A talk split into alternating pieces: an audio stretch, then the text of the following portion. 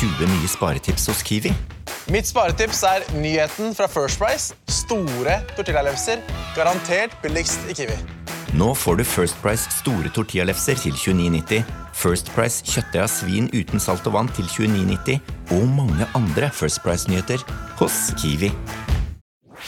David Bowie, geni og stifinner. I didn't strive for success. I strive to do something artistically important. Her er Finn Bjelke.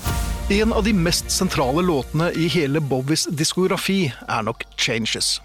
Gitt ut i 1971 på den legendariske LP-en Hunky Dory, som utrolig nok heller ikke ble David Bowies endelige gjennombrudd. Trioen Mick Ronson, Trevor Boulder og Woody Woodmansey var på plass.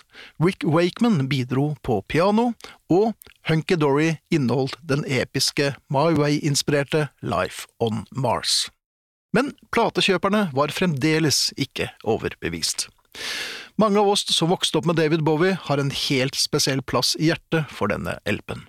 Med The Bewley Brothers, Quicksand, Oh You Pretty Things, som også ble en liten hit for Hermans Hermits-vokalist Peter Noon. Men det er altså changes vi skal snakke om. Og forandring er nøkkelordet når det gjelder David Bowie. Som haien måtte han alltid være i bevegelse, og alltid fremover. Likevel, såpass tidlig i karrieren tok han et hvileskjær og tillot seg å se seg tilbake. Every time I thought I'd got it made, it seemed the taste was not so sweet, og A Million Dead End Streets. Aldri tilfreds. Aldri fornøyd med tingenes tilstand. Stillstand er død. Trevor Boulders nedadgående bass, Rick Wakemans insisterende piano og Bowie, som kopierer Roger Daltrys stamming i My Generation, gjør Changes til en av rockens absolutte klassikere. Vel, rock og rock. Han synger også Changes, look out you rock'n'rollers.